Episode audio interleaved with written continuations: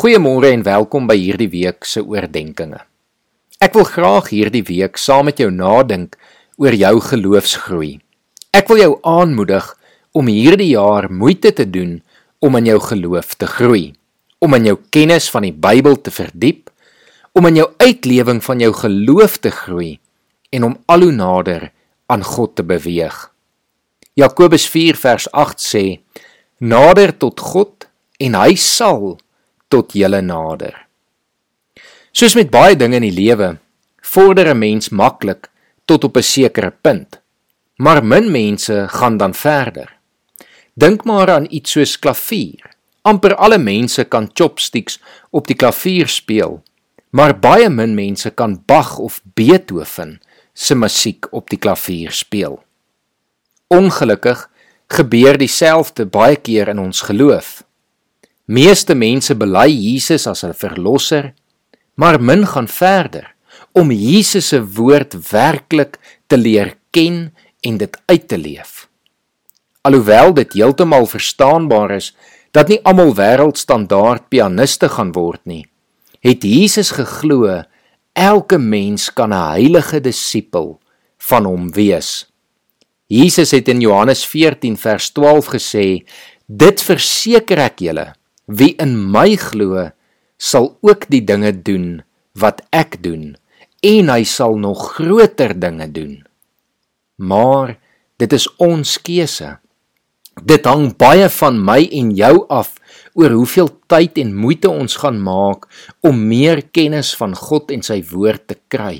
Om dit wat die Bybel ons leer in te oefen in ons lewens sodat ons al hoe meer gefokus deur die Heilige Gees in verhouding met God kan leef.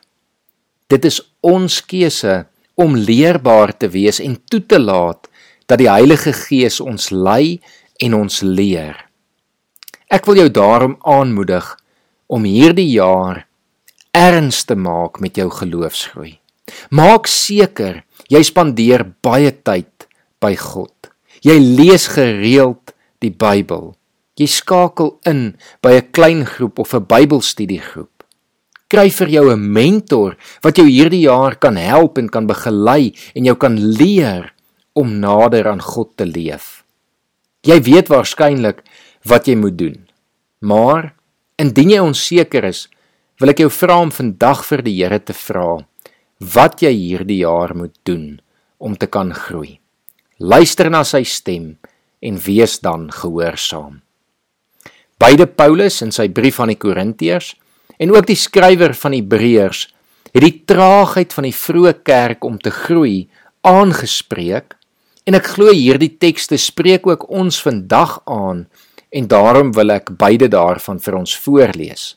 Die eerste kom uit Hebreërs 5 vers 11 tot 14. In verband hiermee het ons baie te sê wat moeilik is om aan julle te verduidelik aangesien julle so traag is om te leer. Hoewel julle teen hierdie tyd self reeds onderrig behoort te gee, het julle weer nodig dat iemand julle in die grondwaarhede van die woord van God moet onderrig. 'n Mens moet julle met melk voed en nie met vaste kos nie. Iemand wat nog van melk lewe, kan nie saam praat oor wat reg of verkeerd is nie, want hy is nog 'n kind. Vaste kos is vir groot mense, vir mense wat oor insig beskik en wat deur ervaring geoefen is om tussen goed en kwaad te onderskei. 1 Korintiërs 3 vers 1 tot 9 sluit baie mooi hierby aan wanneer Paulus dan skryf en sê broers ek kon met julle nie praat soos met mense wat hulle deur die gees van God laat lei nie Ek moes praat soos met wêreldse mense, soos met kindertjies in die geloof in Christus. Ek het julle met melk gevoed, nie met vaste kos nie, want julle kon dit nog nie verteer nie. En julle kan dit ook nou nog nie verteer nie, want julle is nog wêreldse mense. Mag jy vanoggend aangespoor word om verder te gaan, om te groei, om nie net 'n kind in die geloof te bly nie, maar volwasse te word, om nie net melk te drink nie, maar vaste kos hierdie jaar te eet en so te groei in jou verhouding met die Here. Kom ons bid saam.